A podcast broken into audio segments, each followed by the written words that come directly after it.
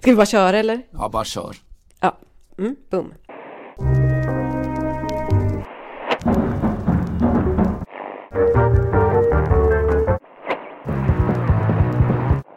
Självklart är det hemskt att åldras och ingen skulle väl förebrå en spelare för att han blir sämre med åldern.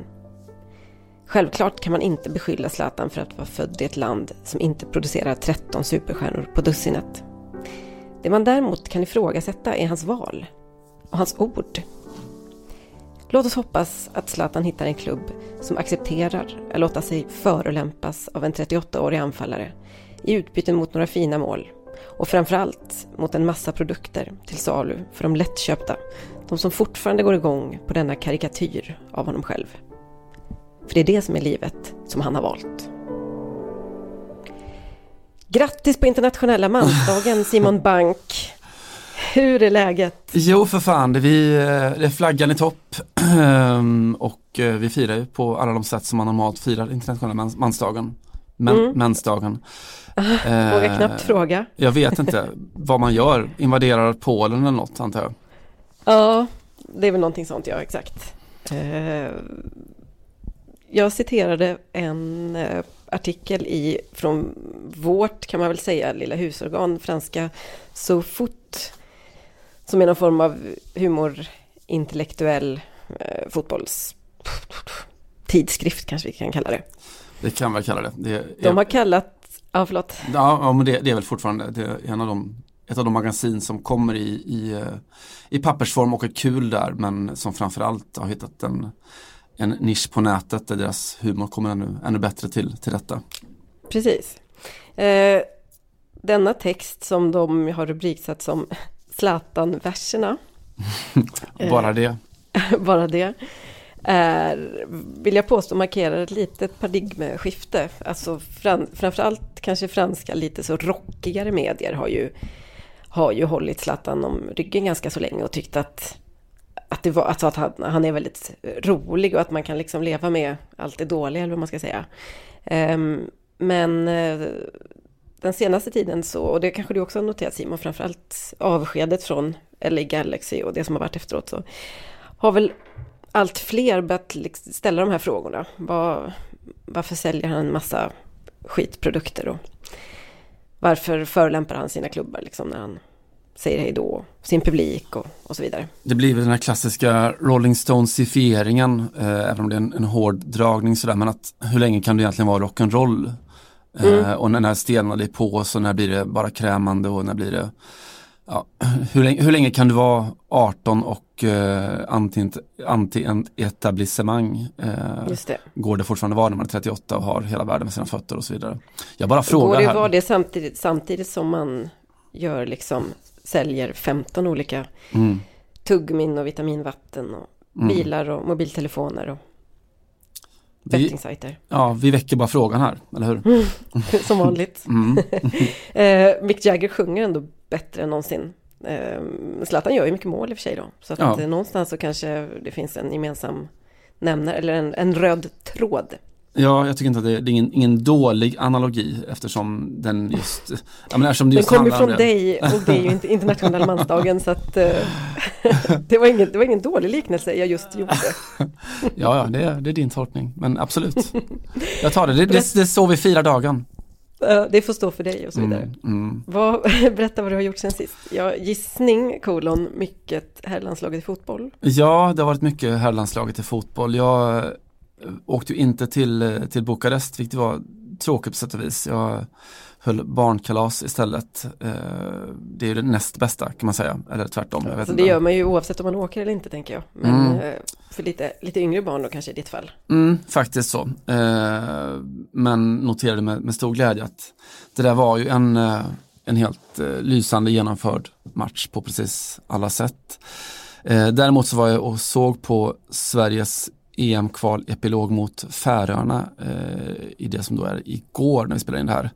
Eh, vilket också var kul på sätt och vis. Eh, dels var det inte alls speciellt kul för det var en otroligt avslagen match och ingen speciellt bra genomförd match men man fick se mycket nytt och, och det absoluta, den absoluta höjdpunkten var ju hur man vrider och vänder på det när John Guidetti gör sitt, eh, ska vi säga betydelselösa mål eller ska vi säga extremt betydelsefulla mål. Mm. Eh, alla de scenerna efteråt när han, han slår sig för bröstet och han, han får en, ett grattis av, John, äh, av Victor Nilsson Lindelöf ute på bänken och sådär. Och, och är så lycklig och så lättad och så sån, så John Guidettisk eh, i sina efterkommentarer och så. Eh, mm. Det var inte svårt att glädjas med, med John Guidetti för det målet. Det är skönt som sagt, det är skönt. Det är, det är otroligt fint också Alex, han kom till mig efter matchen. Jag och Alex, vi har blivit väldigt goda vänner och otroligt duktig spelare och han, alla, alla är glada för min skull. Det är otroligt skönt att, att få den, ändå, den responsen och den feedbacken. Liksom. Nej, alltså, han är ju lite någonstans våran kanske bästa eh, bänkspelare på så sätt att han vi lyfte det för, för några poddar sen att han är så otroligt, att han hade ett så bra sätt att resonera kring sin situation i Alaves. Och mm. Jag tillhör klubben och det är de som bestämmer och även om jag älskar att spela fotboll så eh, är det inte jag som bestämmer om jag får spela och jag är jätteprivilegierad. Allt det där som, mm. som är normalt att säga. Lite anti-Zlatan då, även om han i tio, unga år i alla fall mycket jämfördes med med Zlatan så får man säga att han är, han är mer väluppfostrad på det sättet. Eller kanske till och med lite smartare i sin kommunikation. Även om man förstår att han lider ganska mycket just nu. Att det mm. Ja, inte blev riktigt som han har tänkt sig. I övrigt så kan man väl konstatera att de, det var inte någon superuppladdning inför den här internationella mansdagen från landslagets mm. sida. De brände krutet så att säga i helgen. ja, vill, vill, du driva hela analogin i, i hamn på något sätt eller? Nej? Nej, jag bara konstaterar att det var jätteroligt att, eh, att se på en lite svajig stream i och för sig, men lyssna på Radiosporten såklart i eh, matchen i, i eh, fredags. Så det känns som att jäklar vad, de är, vad det här laget är ostoppbart och hur, hur har det blivit så liksom? Jag har inget riktigt bra svar på det, eh, annat än det tråkiga svaret att det här är ett kollektiv och eh, de, de gör liksom allt rätt som de kan göra rätt och att det är otroligt imponerande. Alltså det är det enda, egentligen det enda jag, jag landar i hela tiden, att man är så otroligt imponerad över hur de löser saker och ting. Alltså det låter ju ganska som att du hittar tonträffen i att se just den här matchen på en svajig stream. Jag tror att den gjorde sig nästan bäst så. Att det var en, mm. en kongenialitet i uttrycket där. Det var en väldigt så postkoital match om man så säga. alltså nu pratar vi om den första matchen. Eh, som ett, som ett koitus, ja, den, mm. den, jag, jag pratar om måndagsmatchen som en postkoitala. Ja. ja, den såg jag inte. Nej, jag tänkte väl det. Nej, så, så sjuk ens, är du inte. Nej, det var väl snarare så att så sjuka var inte ens uh, utländska stora mediebolag att de tyckte att den var värd att, att sända. Det var lite där någonstans vi landade. Ah, det fanns alltså mm. ba, bara porr, porr och spellänkar på de där sajterna, inte, inte ens fotboll. Nej, lite så. Mm. Lite så var det. Um, Själv då? Nej, jag har haft, ja, precis. Jag har haft eh, en tjejhelg får man väl säga. Mm. Um, tjejfotbollshelg mer än någonting annat. Mm. Uh, jag tror att utan att det kommer stå i historieböckerna så kan vi i alla fall uppmärksamma helgen som gick som en kanske av de viktigare i damfotbollens historia om man tittar till eh, inflytande och publiksiffror framförallt. Det slogs rekord på längden och bredden och tvären och alla, alla olika dimensioner man kan tänka sig. I Frankrike, den matchen som jag spanade på, så mötte, åkte PSG till Lyon. och fick stryk i vanlig ordning, men bara med ett mål förvisso. Uh, och slog ett uh, historiskt publik, publikrekord. Vad var det? 30 000 någonting som hade mm, mm. tagit sig till matchen. intressant, som jag också tog upp i, i min text därifrån, att man, det var för första gången så kändes det inte som att det var så satans mycket folk när man tittade för att man har vant sig vid den typen av inramning nu faktiskt eh, lite grann. Eh, I England så var det ju en sån superweekend, Super Sunday framförallt. Det var London Derby och det var, eh, eller ja, det var North London Derby, kanske du noterade i marginalen. Det, gick inte så bra för Tottenham. Tottenham mot ett lag från Woolwich, om vi ska hårdra det det gick ju relativt bra. Tottenham är nykomlingar ändå får man säga. Så de, det gick de väldigt bra. Ja, de, ja, jag tyckte att de gjorde en helt heroisk insats på många sätt.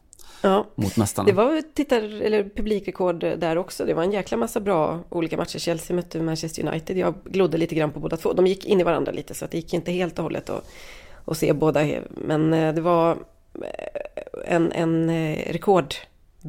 70 000 någonting allt som allt hade sökt sig till en eller annan läktare eller stadion i England för att titta på damfotboll.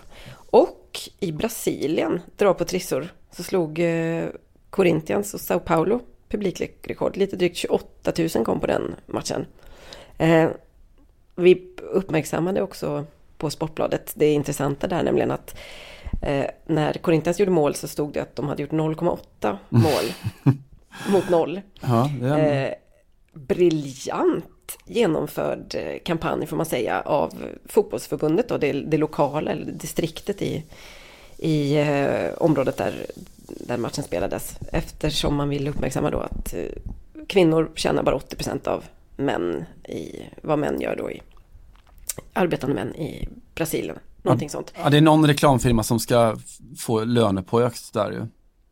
Ja, någon sån copy-kille Mm, tänkte, mm. tänker du. Ja, otroligt eh, Eller copytjej. Det, det, det, precis, det var, jag valde allitterationen där, men vi säger att det var en Ja. copy-tjej då, kanske. Kanske till och med ganska så rimligt att tro det. Mm, ja. Eh, jag som har blivit kvar i Spanien, oklart länge, eh, noterar att här vart det strejk. Eh, så att man kan säga att det hänt verkligen väldigt mycket på alla håll i damfotbollen i helgen. Och det har varit liksom någon form av rekord eller upprorshandling i nästan alla länder som, vi, som är att tala om här. Eh, Får, får, jag, väl- får jag fråga till en, en historisk händelse på, på annat håll? För att då Absolut. citera Christian Chippen Wilhelmsson som ju vid något tillfälle övervägde att spela, han hade anbud från alla tre världsdelar utom, utom Australien. Eh, och, just, Alla tre, alla tre världsdelarna utom Australien han har fått Så, ibland från. sa han så? Så sa han, så föll hans ord. Det var underbart bra. Mm, underbart bra. Men eh, även då i Australien som Chippen valde bort för eh, ja, inte 0,8 eh, delen av världen, så att säga, Mellanöstern. Eh, men det som har hänt i Australien är att de då i likhet med många andra nu har fått fram en, eh, en liten revolution i det lilla att det. the, Matil- the Matildas får samma ersättning som, som herrlandslaget Equal pay. efter flera års kamp. Mm, precis så. Det var snyggt. Det var, vi konstaterar också att Sam Kerr, deras stora stjärna, har skrivit på för eh, Chelsea i vad, jag, vad man skulle kunna, kunna kalla a bid Mm. to beat Lyon, som de brukar uttrycka det. Mm. Nej, men det är roligt, det händer ju väldigt mycket. Eh, Damstrejken här i Spanien har ju, avslag, har ju av- slagits av. Ja, den har upphört. Blås har- av. Mm. Bl- Tack så mycket, så heter det ja. Eh, förbundet har sagt att man, eh, eller ligan då, att man kan sätta sig och tänka sig att sätta upp sig och prata med tjejerna igen. Ett 20-tal möten hade de alltså, det här har ju pågått under över ett år. Eh, lite, påminner lite tycker jag om, eh, från utsidan i alla fall, om när det svenska damlandslaget eh, hade förhandlingar med Svenska fotbollförbundet och inför, ja de spelade ju ett OS bland annat utan att ha ett avtal och ja, ni minns allt detta. Eh, ett 20-tal möten som sagt och eh, nu förstod väl till slut då eh, även de högre hönsen i, inom spansk fotboll att det här såg inte riktigt bra ut och kostar mycket att ställa in en hel omgång sådär. Så att nu ska de sättas ner igen. Eh, de kräver ju egentligen bara att man ska få ett kollektivavtal då och en, någon form av heltidslön som i alla fall går att leva på. 160 eller 16 000 euro är det väl de kräver om året då som ett någon minimi på något sätt för att spela på, ja, på, på heltid. Hälften av alla som spelar i, i den spanska eh, damligan är, har, har inga avtal eller har ingen lön alls. Och dessutom så blir de ju mer eller mindre, de vill också ha ett skydd då för eh, om man blir gravid. Eh, och någon form av eh, föräldraledighet, för det finns inte heller, utan då har man liksom åkt ut då mer eller mindre ur, ur Alla sociala skyddssystem. Ja, Mm. lite så. Lite så kan man konstatera. Ehm, så att det ser ut att kunna bli möjligtvis någonting här också.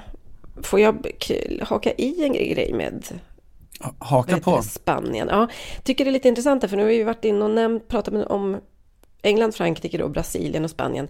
Länder där, eh, i alla fall om man, i en lite generös tolkning, om vi räknar in Brexit i England då, och eh, Spanien och Brasilien, där det sker ganska mycket dåligt politiskt för kvinnor, alltså kvinnor i bredare bemärkelse, kanske framförallt i, i Spanien och Brasilien. Brasilien vet ni ju, man har en president som är en kvinnohatare, får man väl kalla Jair Bolsonaro, som vill strama åt allt, alla de klassiska sakerna. Samma sak med Vox, då, partiet som har gjort stora framsteg i Spanien och i det senaste valet som var för en vecka sedan lite drygt. Eh, man vill bland annat ta bort lagar som förbjuder eh, så, eller som uppmärksammar våld i, i mäns våld mot kvinnor då, och inom äktenskapet och så vidare. Eh, man är emot abort, det vanliga tugget. Det är intressant att se att kampen pågår i alla fall från två håll. Det är inte så att allt dras inte åt ett extremt håll när sånt här händer, utan det kan fortfarande vara så att eh, på högsta politiska ort så går extremhögern fram och kvinnohatar eh, extremisterna går framåt. Samtidigt som de fotbollsspelarna tar steg i en annan riktning. Och det hänger ju såklart ihop att det är en av förklaringsmodellerna bakom, om vi får kalla det extremhögern, eller det är klart som fan vi får kalla det för det, är ju just alltså hotet, eh, alltså att, att den, den, traditionella kvinnorollen har upp, uppluckrats, så att det är en, en del av det stora, stora hotet mot då, de här eh, extremhögerns alla män. Så att de, de eh, skärper tonen, vilket såklart också får fram en, en nästa fas av, av en starkare, eh, också radikaliserad då, eh, kvinnorörelse på många sätt. Ja, men samt, samtidigt som jag nog vill säga att för när man säger att det är kvinnorörelsen som har radikaliserats, då är man inne lite på det där, det är så polariserat just nu. Det enda on many sides, ju, on many sides. Ja, nej men alltså det enda som har hänt är ju att eh, kvinnorörelsen eller demokratirörelsen eller vad vi vill kalla den, tar naturliga steg, med, medan det på, eh, på den andra sidan sker liksom helt, saker som är helt otänkbara för bara några år sedan. Så att det är väl, polariseringen handlar väl mycket om att det har kommit in en, en antidemokratisk, eh, antifeministisk radikal höger som ändrar på spelreglerna. Det är inte så mycket, det är inte så mycket kvinnorna som har blivit hysteriska och, och galna. Nej. Eller ja, det är mansdagen nu, som jag kanske, du kanske har så, the benefit of a doubt. Hold your horses. Nej, men självklart är det så. Jag tror att till och med i, i begreppet antifeministisk politik finns det ju ett, en, en, ett problem att eh, eftersom feminismen ses som en sorts politisk rörelse, det här är ju antikvinnlig snarare än antifeministisk. Just det. Så. Mm. Nu har vi garderat oss mot allt. Fotbollny radikal. Jag tänkte ändå fortsätta på lite så minerad mark. Det här är också intressant med Spanien. För att jag känner att jag har blivit lite bönhörd här. Det har gått eh, några veckor, kanske någon månad, kanske två, vad vet jag. Sen jag lyfte frågan, ska vi åka till Qatar? Mm. Efterlyste en liten debatt. Eh, hoppades att några kollegor skulle hoppa på. Blev inte så mycket med den saken. Mm. Det liksom har bara lite grann så runnit ut i sanden och ja, jag vet inte vad. Eh, I Spanien så meddelade man förra veckan var det väl att de närmaste, jag tror att de närmaste tre superkupperna, alltså då matcherna mellan den som eh, vinner, ska vi se, nej det är en, det är en ny eh, kuppvariant här. Eh, Äntligen! Som, mm, ja just det, förlåt. Tidigare har det ju varit cupvinnaren och ligavinnaren. Men här är det i alla fall slutspel. Och de ska spelas i eh, Saudiarabien då i de kommande åren. Eh, första upplagan är nu i januari. Real Madrid mot Valencia, Barcelona mot Atletico Madrid då, så att det kan bli ett klassiko där. Eh, spanska RTV som har rättigheterna då, eller ja, som normalt sett har de, har sagt nej. Mm. Vi vill inte sända en match från ett land som inte respekterar mänskliga rättigheter. Eh, lite av en game changer vill jag påstå. Men man hade ju kunnat tänka sig då att det kommer ju, någon annan kommer ju suga upp det här och så kommer det inte märkas av så mycket. Men icke hittills i alla fall. Attres Media och Mediaset, eh, Berlusconis gamla konglomerat, hoppade på tåget och sa nej, vi vill inte heller sända de här eh, matcherna. Det finns liksom en, en gräns någonstans för vad man kan eh, ja, sopa under mattan eller vad man kan kompromissa med och så just nu så har vi alltså en debatt här i Spanien om eh, huruvida man överhuvudtaget kan sända en match i, från Saudiarabien. Det är väl eh, den diskussionen som fanns i Italien. Deras supercupfinal spelades också i, i Saudiarabien. Eh, jag tror att den, eller jag är ganska övertygad om att den sändes i alla fall i italienska medier. Mm. Ja, nej, det här, är, det här är väl ett lite mer eh, spanskt, vågar jag påstå, förhållningssätt till det hela. Eh, och det är också intressant för att det hände en annan grej i veckan som, eh, ah, förra veckan kanske också, som är värd att uppmärksamma, nämligen att Tysklands fotbollsförbund har fått en ny ordförande, Fritz Keller, eh, som gick hårt ut med att förklara att Tysklands landslag inte kommer att spela i länder som inte respekterar kvinnors rättigheter. Eh, slut citat. och det här, då är vi inne på ganska många länder helt plötsligt mm. beroende på hur man tolkar det. Eh, det är, man kan säga att de, och det här sa han i en, en intervju med Die Zeit, en stor tidning i, i Tyskland. Och det tolkades ganska snabbt som en markering mot Qatar då, att Tyskland under rådande mm. omständigheter inte riktigt kan tänka sig åka dit. Mm.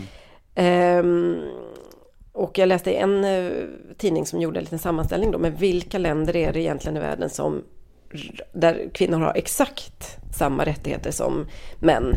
Uh, och där man en, har, har utgått från Världsbankens tolkning av det hela. De är rätt så få. All, ehm. alla matcher spelas på Island.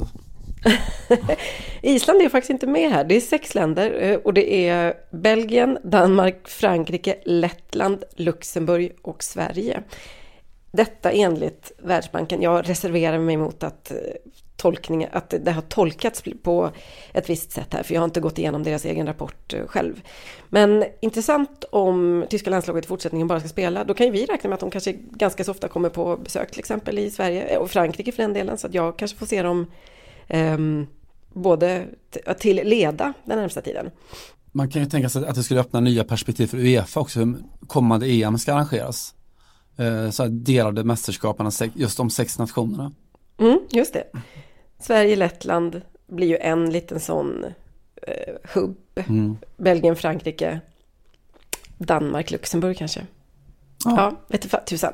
Mm. Nåväl, eh, det om Spanien. Jag ska vi kanske bara kasta in det också att eh, det, var, det gick ganska lång tid utan att de här de spanska damspelarna fick något direkt stöd från herrspelarna. Det här är ju ett, ett evigt tema. Eh, men till slut så gick vår vän Andres Iniesta såklart ut och stöttade dem på Twitter. Och Antoine Griezmann faktiskt. Båda gav sitt ovillkorliga stöd till tjejernas ganska modesta krav då. Vi kanske bara ska det är värt att nämna det. Det är ofta som samma nyllen som mm. dyker upp och det är nästan alltid, Andres Iniesta är ju alltid en av dem. Anton Grisman brukar inte vara så kanske i, uppdaterad på kvinnopolitiska fotbollssaker eh, men nu var han det i alla fall. Glädjande är det ju såklart. Mm. Mm. Man tycker alltid om män som gör saker. Eh, inte bara idag utan alla grupp. dagar. I, I grupp. Jag tänkte prata om andra män som, som gör saker och som tar ställning och så vidare. Eh, och ta oss till en eh, tredje eller en fjärde världsdel då. Eh, Chile. Tjejer i Chile, nej män i Chile också. Mm. Det har ju varit stökigt i Chile här den senaste ja, dryga månaden är väl, mitten av oktober. Stora... Det låter som något som ordningsmakten skulle kalla det ja. Ja precis, precis så. Det har varit lite stökigt. Eh, stora, alltså som på så många andra ställen på jordklotet just nu, då, stora folkliga protester, massprotester mot då mönstersamhället Chile. Chile har ju lyfts fram som ett eh, sydamerikanskt mönster på många sätt med liksom en fantastisk eh, tillväxt och hög BNP och allt vad det är. Eh, alla siffror åt rätt håll. Eh, Lite av Annie Lööfs favoritland. Ja, det är väl det. Och många, alltså jag vet att det var, var lite Pinochet som hade som vision ett, ett land av entreprenörer. Mm. Um, och dunderprivatiserat på precis alla håll. Eh, presidenten där, eh, Sebastian Piñera, eh, miljardär och partiledare då i de här konservativa, Renovation National, som då har försökt försvara den här bilden, pekat på alla de här siffrorna om hur, hur bra det går för Chile. Mm. Problemet för dem var att det, det är inte en sann bild fullt ut. Intressant med Pinero, vi pratade om det här veckan bara om hur, hur den snabbaste vägen till makt i Sydamerika ofta är att gå via fotbollen då. Eh, vi tog upp det i samband med argentinska valet tror jag. Mm. Eh, man, man, köper en fotbollsklubb, blir president där och sen så blir man president eller borgmästare. Ungefär så. Pinera eh, har aldrig varit en Colo Colo-supporter men det hindrar inte honom från att köpa Colo Colo och bli, bli president där och ett par år senare då så blev han då president för hela jävla Chile. Mm. Eh, intressant för övrigt var att just alltså fallet med fotbollen var att det var ett område då som inte då hade utsatts för privatiseringen eh, då, men som liksom var nästa grej då. Man hade privatiserat utbildningen och vården och, och skolorna till slut då så var det ju fotboll. Hade man inte privatiserat fotbollen? Är det det du försöker säga? Den eh, kom också såklart, men den var de, de, andra, de andra sakerna först. Eh, men den här framgångsbilden har ju då verkligen spruckit här. på sistone. Chile har blivit rikare, det, är, det finns inga tvivel om det, men det har då inte betytt att Chiles folk har blivit rikare. Försöker du säga att det inte har trickled down? Mm, precis, the, mm. snarare the prune juice effekt. Eh, runnit rakt igenom, eller hur man än la de där slantarna så rullar de fan med åt samma håll. Det var det som hände. Eh, den vanliga chilenaren fick då istället dra på sig en massa studielån eftersom skolan är privatiserad. För att sen komma ut, få ett lågbetalt jobb och försöka leva i ett land där allting är vården och så vidare är väldigt, väldigt dyrt då, där allting kostar, precis allting, allting, allting kostar. Är det inte så, kastar jag bara in här, att när det var mycket debatter kring det svenska skolväsendet och eh, friskolorna och allt det här, att Sverige och Chile var de enda länderna i hela världen som hade så pass eh, liksom liberaliserad eller privatiserad skolgång. Eh, att, det, alltså det är ett, att det är vårt tvillingland på just den biten, för att det är, i alla andra länder finns större kontroll eller mer liksom, även om det finns privatskolor så finns det i alla fall någon form av så statlig eh, ja, kontroll eller vad ska man säga på in, in, inflytande. Men i mm. Sverige och Chile så har det bara varit så riskkapitalister. Eh, jag vet alla som börjar i min skola ska få en dator och en semla typ och jätteglädjebetyg. Det var, var precis så, jag tror till och med att Sverige på slutet gick om, gick om Chile och blev ännu mer extremt och var då världsledande i jakten på privatisering. Eh, men det var inte det här som utlöste, utlöste de här protesterna utan det var höjda priser i kollektivtrafiken då, vilket fick då eh, flera miljoner eh, chilenska medborgare ge sig ut på gatorna och protestera. Och, vilket ledde till våldsamma konfrontationer. Mm. Eh, och du känner igen det från Frankrike då med, med gula västarna och sådär att det som poliserna gjorde var att man, man sköt då med, med sådana här gummikulor. Eh, och flera hundra demonstranter då fick helt enkelt ögonen sönderskjutna. Det är ett fruktansvärt dåligt vapen. Alltså, alltså hade jag varit så här propagandachef, eller det kanske de inte heter då, men på, hos polisen, en copykille helt enkelt. Göbbelskille. Precis så. Så hade jag nog satsat på något så lite mjukare, för att man ger ju verkligen motståndaren ett sånt jävla drömläge och liksom vara bli en, det blir så bra martyrbilder när man har skjutit bort ögat av någon som har demonstrerat. Det är verkligen en ganska dålig eh, bild för att så att säga skapa sympati för ordningsmakten. Och... Vad, vad hade du pitchat för alternativ? Så badmintonrack eller? Ja, alltså jag såg nu i, var i Hongkong nu att de håller på, fast det kanske var demonstranterna som skjuter med sån här um, armbåge. Armbåge? Ar armborst? armborst. jag hörde, jag kände det här lät inte helt hundra. Uh, det är ju i så fall lite mer så det ger lite bättre så Robin Hood-vibbar. Okej, nu vill man ju i och för sig vara anti-Robin Hood då, så det mm. kanske inte... Jag vet inte, att man skjuter någonting lite mjukare helt enkelt. Och mm. framförallt siktar på benen.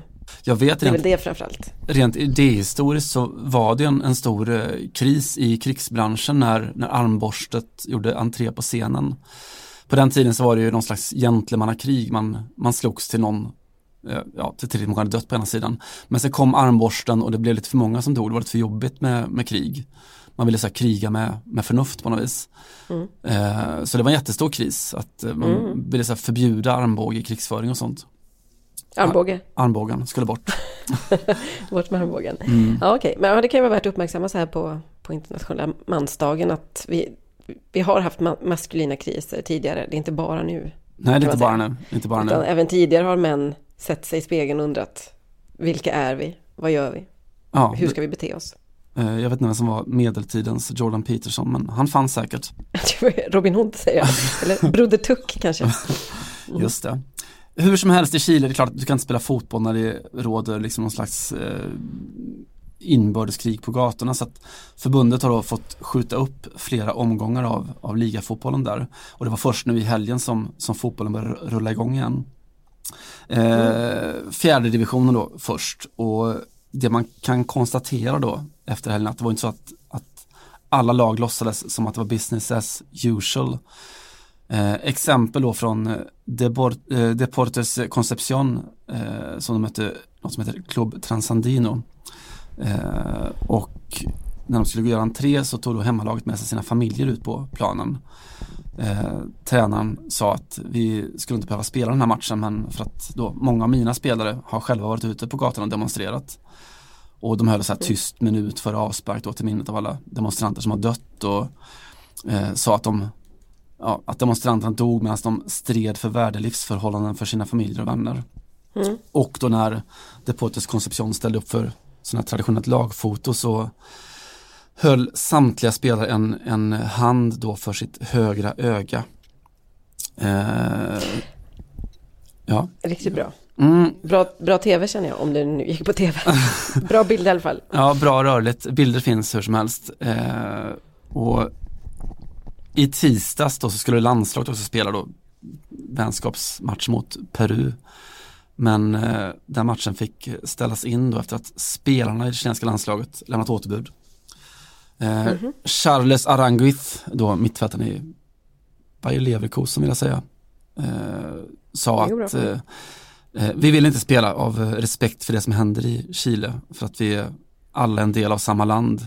Gary Medell, då han i Bologna som var på väg till AIK tror jag. Eh, för typ tio år sedan. AIK tackade nej. Mm. Som gjorde världens roligaste välkomstvideo hos uh, Bologna. Jag har pratat om den tidigare. Precis han stirrar ut en liten bulldog, eller vad är det? Mm. En hund i alla fall. Han kallas väl bulldog själv. Ska, kommer Zlatan kunna, alltså om Zlatan nu går till Bologna, då måste han ju stirra ut ett lejon då. Har mm. de, har de liksom de medlen och musklerna för att styra upp den de, eh, de har ju medel så att säga. eh, Marco Di Vaio kan säkert värva ett lejon eller två, det tror jag. Han har fixat. Det kunde jag bjuda på den straffsparken. Kan det vara min man, mansdagspresent kanske? Ja, det, vi får kalla det så. Pappahumordagen. Mm. Jag tar vad jag får. Eh. Medell sa i alla fall att eh, eh, den viktigaste matchen just nu är den som vanliga chilenare för, eh, för jämlikhet. Fint ändå. Eh, vi... det, det, det, är så, ja, förlåt att jag avbryter det, men det är så, vi, vi är ganska vana vid att prata om Sydamerika och mm. politiska manifestationer och ja, men en hel del i Spanien faktiskt också. Mm. Eh, men det är ändå så intressant att det här är, väl, är så extremt svåröversatt till mm. nordiska på något sätt eh, villkor eller omständigheter. Det är jätte, vem, vem i, inom svensk fotboll hade kunnat göra den typen av gest? Det var Henok Goitom då möjligtvis. Ja, den är, den är svår att se och han, han spelar inte ens för Sverige. Så att, eh, nej, den är, den är svår att se. Eh, vi har pratat om, om Colombias landslag förut hur de tog, tog ställning och, i solidaritet med, med sina kvinnliga kollegor och sånt. Och, nej, det är bevisligen någonting med, med latinos. Eh, mm. Och det ska vi fan med uppskatta. Det är bevisligen någonting med latinos. Mm. Juanita, 26 år gammal. Agrees. Fint. Vi höjer en näve för eh, Chilenios, Vamos Chilenios här på mansdagen.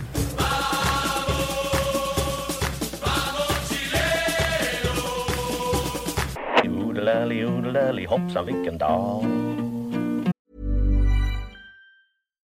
Botox Cosmetic, out toxin A, FDA approved for over 20 years. So, talk to your specialist to see if Botox Cosmetic is right for you. For full prescribing information, including boxed warning, visit BotoxCosmetic.com or call 877-351-0300. Remember to ask for Botox Cosmetic by name. To see for yourself and learn more, visit BotoxCosmetic.com. That's BotoxCosmetic.com. Ska vi i marginalen konstatera att Luis Enrique är tillbaka vid rodret också i Spaniens landslag? Jag tycker det. Så att eh, Iker Casillas, apropå män med eh, åsikter, eh, konstaterar på Twitter då apropå att Moreno fick, fick lämna efter det här succékvalet att eh, vi är, vad, vad skrev han? Somos un país de chirigota. Vi ett, ja blir det? Ett, ett skämt typ va? Ja men var det, det var väl inte riktat mot så mycket eh, Luis Enrique antar jag? Nej, gud nej. Nej, Nej, det var väl snarare ett, ett försvarstal med någonting annat. Eh, men att han avsett tweeten med Que viva España. Mm. Eh, dubbelheten i det.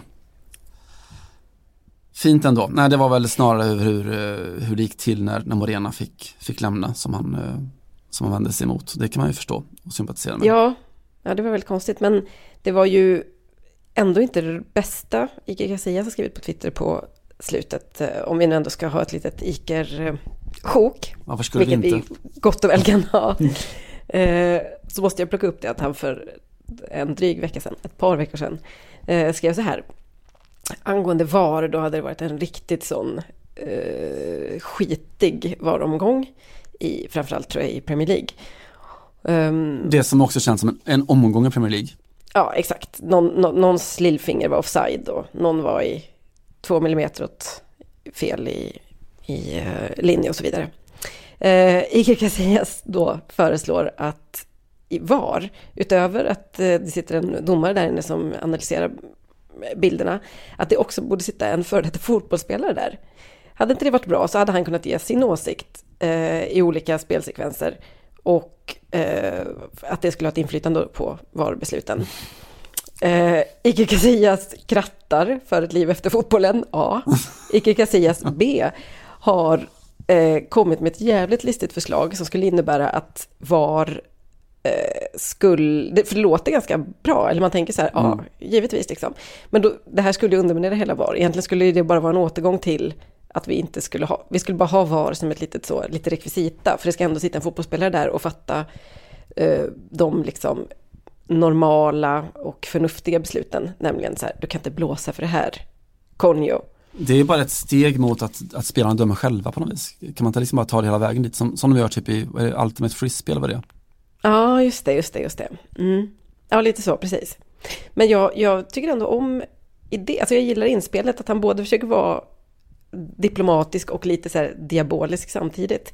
Eh, för egentligen när man tänker på varför man har så stora problem med det här systemet, det är ju inte att det är det kan ju vara kanske för vissa då, vissa finsmakare, typ Simon Bank, att det är för mycket teknik och att det är för mycket liksom, da, da, da och så. Men det stora problemet som folk har, tror jag, och allmänheten, är ju att det väldigt ofta blir fel eller att det blir löjligt liksom, för att det är så små, det handlar om så otroligt små ja, marginaler helt enkelt.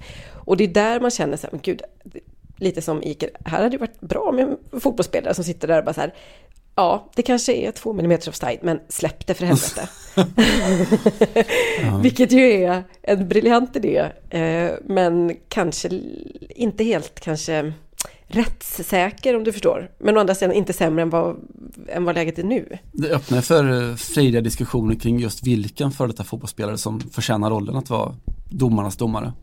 Ja, och då tänker vi lika att då kan han sitta där när det är klassiko och, och liksom smörja kråset och vara den sköna killen som går in och säger att ah, det Ja. där ska inte vara rött på Sergio Ramos. Han är sån, kommer Iker säga då. Jag ser inga problem med det. Nej, Jag gör inte det. Han, Nej, han är ur nej. balans, det är tjejens fel. Släpp det. lite så. Lite så. Ja, nej, jag, tror att det hade, jag, jag, jag älskar förslaget. Jag tror att det hade kunnat bli hur knäppt som helst, men det hade i alla fall blivit ganska underhållande och eh, möjligen lite, lite bättre än, än hur det är just nu, när det inte funkar alls. Mm. När det inte funkar av, av fascistiska skäl, liksom, nämligen att det har blivit för... Det är både rättsosäkert och analt någonstans. Mm, mm. Man får fan bestämma sig för ett av dem. Var, Clubs are part of the social fabric that binds us together. They are too important to be left in the hands of bad owners who put their business interests ahead of everything else, marginalize supporters and even put the financial security of clubs at risk. Sa Simon, men framförallt mer intressant sa Jer- välkommen till Fotboll Radikal. Just det, det var lite, Nytt avsnitt. visst var det lite intro, eller hur? Det var väldigt mycket intro. Eh, det var ett intro till ett samtal mellan Jeremy Corbyn, alltså den engelske Labour-ledaren och eh, Newcastle-supportrarna i eh, då den här Ashley Out, alltså motståndsrörelsen mot eh, Newcastle-ägaren Mike Ashley. Eh, Är inte det den stora majoriteten av supportrarna som ja, emot det hoppas jag verkligen att det är. A small group of people are ruining our national game. Billionaire football owners like Mike Ashley, who runs Newcastle United Football Club. Corbyn har då pratat om att man borde ha en större liksom, form av samhällelig kontroll eh, över klubbarna. Och efter att han har gjort det, det var inte så jättesvårt att förutse Eh, reaktionerna som sen födde, då. Man pratar om att, ja, så där, nu vill staten kliva in och ta över den fria fotbollen. Man vill liksom, ja, det har sådana rubriker om att eh, nu vill Labour ha ren jävla kommunism. Eh, politiken måste hålla sig borta från, från fotbollen. Det finns ganska många så, ja, på rak arm kan jag säkert räkna upp fem tidningar som man vet direkt skulle göra den vinkeln i England alltså. Det, inte, det saknas ju inte den typen av liksom, organ för det konservativa partiet. Eh, så att säga. Nej, jag vet att det finns mm. sådana, mätningar, alltså lite som görs i Sverige med hur, hur välvilligt man behandlar de olika partierna. Och, eh, man kan väl säga att ja, det är en, en ganska kraftig slagsida åt eh, konservativt vänligt inställda tidningar Just i England. Det. Ska vi uppmärksamma det också att när det gjordes en oberoende undersökning av hur svenska medier hade hanterat den svenska valrörelsen inför förra riksdagsvalet då i, eh, för, ja, för ett år sedan. Så konstaterades att Aftonbladet var väl den tidning som var närmast att vara neutral. Mm. Men samtliga tidningar eh, och tv-kanaler hade haft en mer fördelaktig rapportering av de borgerliga partierna. Mm. Eh, det blev inte så mycket liv kring den där, för de som normalt sett skriker mest på sociala medier, brukar, det var inte riktigt deras eh, intryck av sakernas tillstånd. Men, eh, och jag kände själv att det här är ju inget att retweeta, för det är ju också lite, lite genant, även om vi var bra så var vi ändå, lutade vi ändå åt ett håll och det borde vi inte göra, vi borde befinna oss mitt i, mitt i någonstans där. Men eh, Bäst i obs-klassen. Ja, exakt så. Ja, precis. Eh, ungefär så. Nej, men det, alltså det, det finns så intressant i just den här hållningen att men, nu måste vi hålla politiken borta från fotbollen. Som mm. att det inte redan var så otroligt eh, politiserat. Och, som att inte den spanska superkuppen ska spelas i Saudiarabien de kommande tre åren och så vidare. Så att säga. Eh, mm.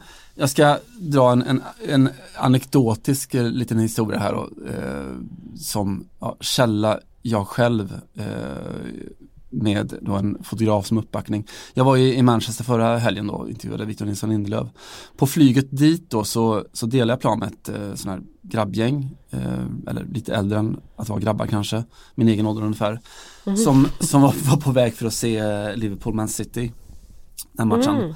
Mm. Eh, ett par rader bak då hade, hade jag en, en, en, kille som då hamnade i sån här samtal med en, en engelsk kille och den här svensken då skulle han satte en, en ära i att berätta om det svenska tillståndet då, och det var ingenting som man inte har läst och hört förut då, men vet, ja i Sverige har vi minsann helt öppna gränser, det finns ingen kontroll, ingenting funkar, samhället är totalt förfallet. Och allting är ju, är ju ja, om man hårdrar det, om muslimernas fel. Han sa att, att problemet är ju värderingar, liksom att muslimerna har inte våra värderingar. Du vet att för dem så, så är kvinnor inte lika mycket värda som män. Eh, inget nytt under solen där då. Men mm. sen sa han, Viktor, jag tyckte det var tog honom en nivå till. Han sa att eh, ja, i Sverige så håller alla på Liverpool då, men, men, men jag, jag håller på Manchester City. Okej. Mm.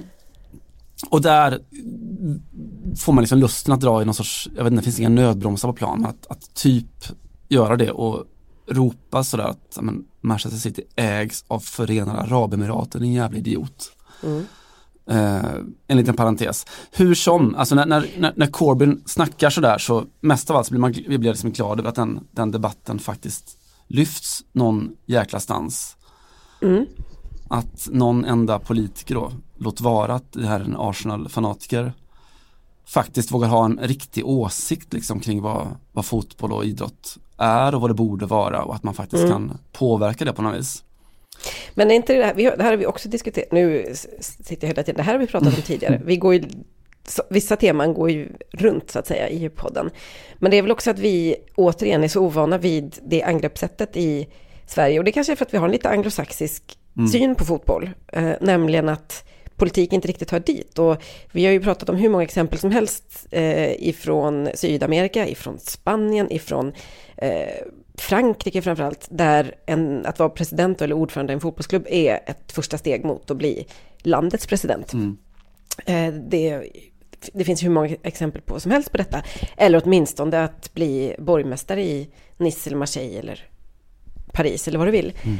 Och också att att man har en idrottsminister eller ett, liksom ett idrottsministerium eller ett departement som hela tiden är en del av debatten kring fotbollen, framför allt då kanske i landslagsfotbollen, men även då läktarramsorna och homofobin på läktarna som det har varit i, mycket nu i Frankrike på slutet, eh, där man åker och tar lands, herrlandslaget i örat när de kommer hem från VM i Sydafrika då 2010, för att de har gjort bort sig. Och att, att det inte är så vattentäta skott, eller om det nu är vattentäta skott, jag kommer aldrig ihåg vad som är vad, men att man liksom har, att det, en, att det, att det finns en, en ganska eh, självklar brygga däremellan.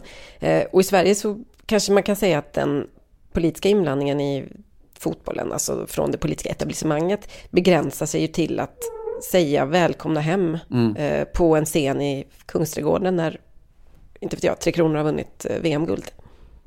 Ja, nej det, vilket är en sån total missuppfattning över vad den politiska rollen är och, och vad idrott är för någonting.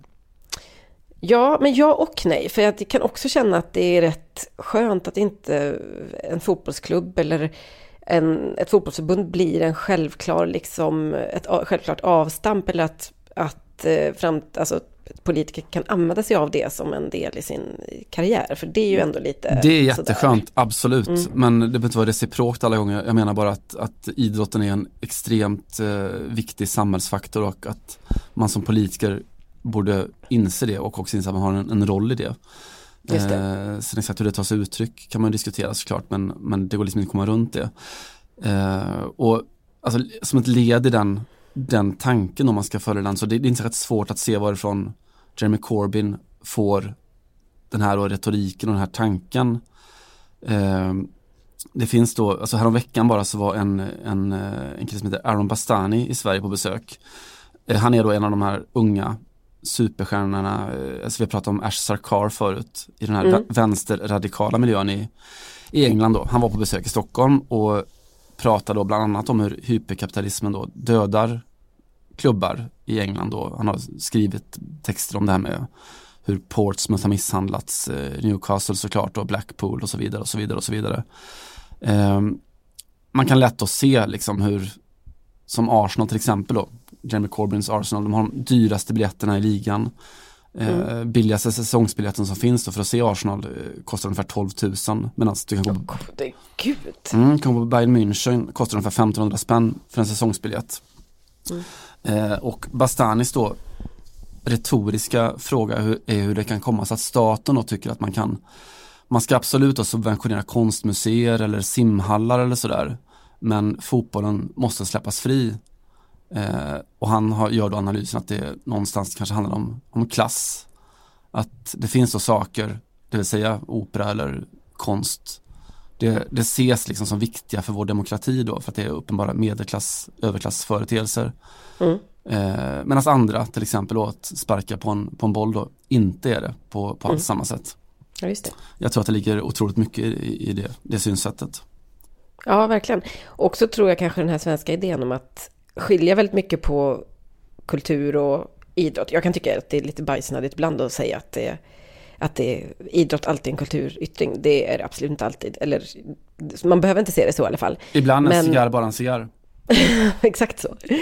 Men ibland så måste man ju ändå förstå uh, hur många människor det här engagerar. Och det, jag tycker också att det är intressant varje gång man, du eller jag eller någon av våra kollegor lyfter en debattfråga då, alltså i, som, har med, som utgår från fotboll ofta, men som handlar om jämställdhet eller som handlar om demokrati eller som handlar om Qatar eller vad du vill, så blir det väldigt lite uppmärksammat utanför våran sfär. Mm. Eh, det, det är som att, och kanske framförallt när det gäller jämställdhet, och det handlar om att det är tyvärr extremt många feminister som inte intresserar sig för någonting för fotboll.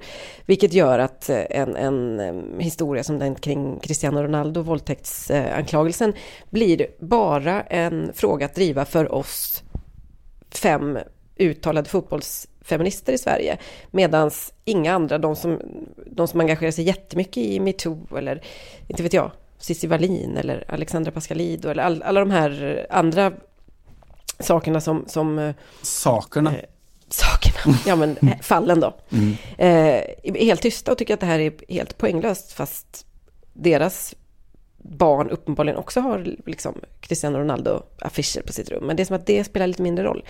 Eh, jag tror att det, allt är en del av samma sak. Man, man känner sig lite ensam. Jag tycker också att det är förvånande hur, nu kommer jag bara gå skövla fram här, men hur våra till exempel, vårt fackorgan eller vårt medieorgan i alla fall, journalisten, den tidningen, väldigt sällan uppmärksammar några som helst eh, debatter inom eh, sportjournalistiken. Det är som att vi inte finns riktigt för att folk tycker att det är ett särintresse som inte har med resten och som inte har med journalistik eller med, med samhället att göra.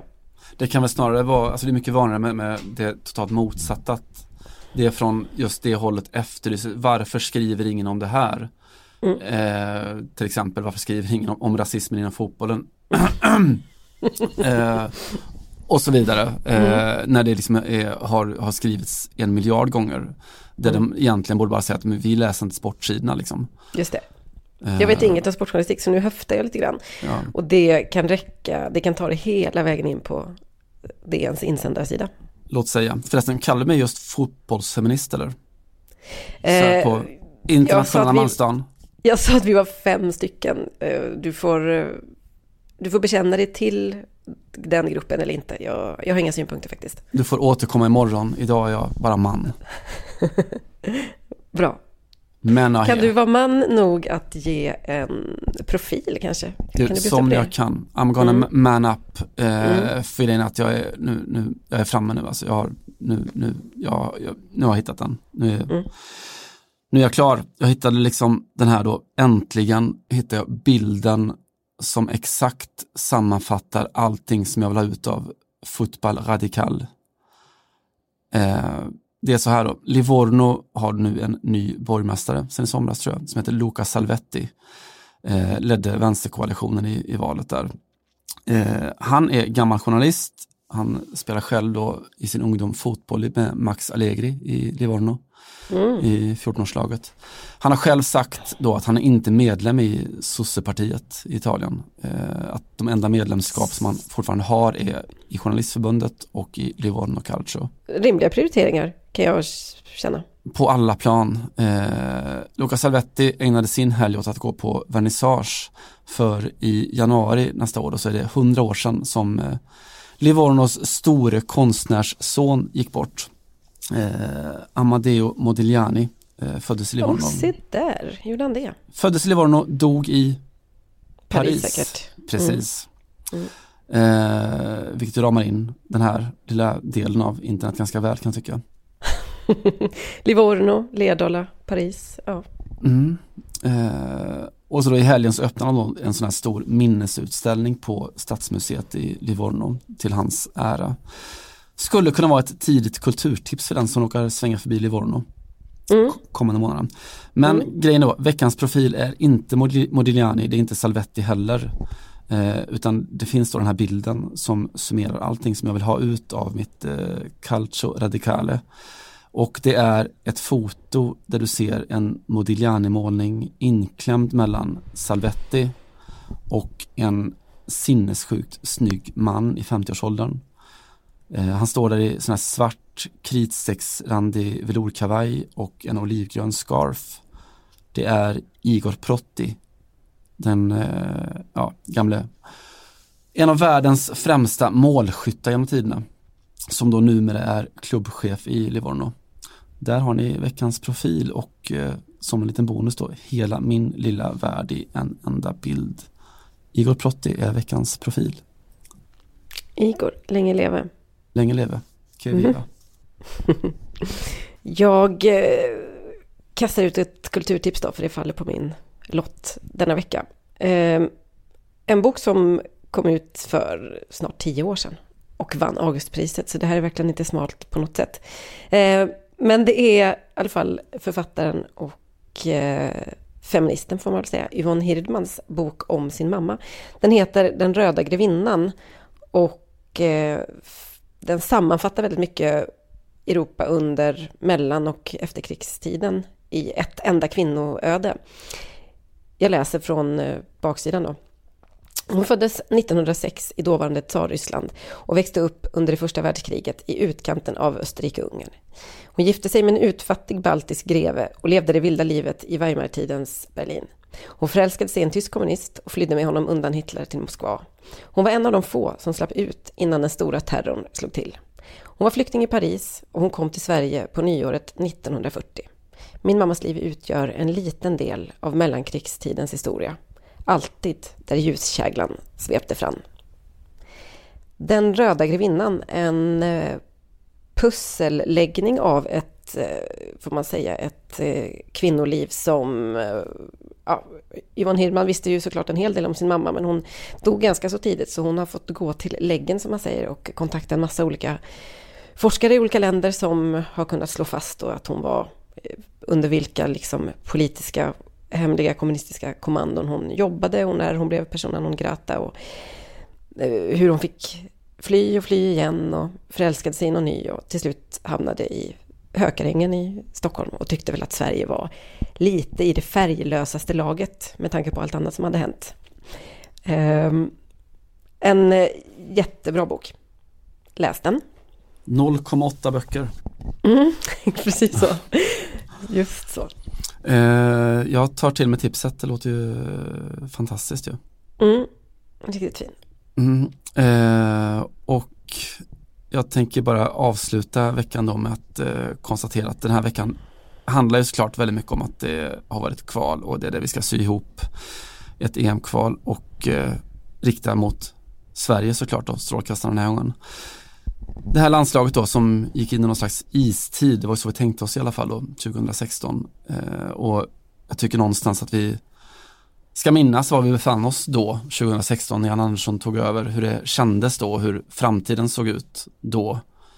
Eh, och det jag tänker försöka göra är att hitta musik som kan fungera som någon slags illustration till det. Grejen är att jag ser det mest som ett så ett fint tillfälle att lyfta eh, tio sekunder som jag håller som en av mina starkaste kulturupplevelser eh, i Sverige, fan i mig någonsin nästan.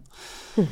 Mm. Om vi tänker oss då vårt landslag då som en uh, ung, oförstörd, nyfrälst med hela livet framför sig och hela världen för sina fötter. Som det kanske var för tio år sedan eller så.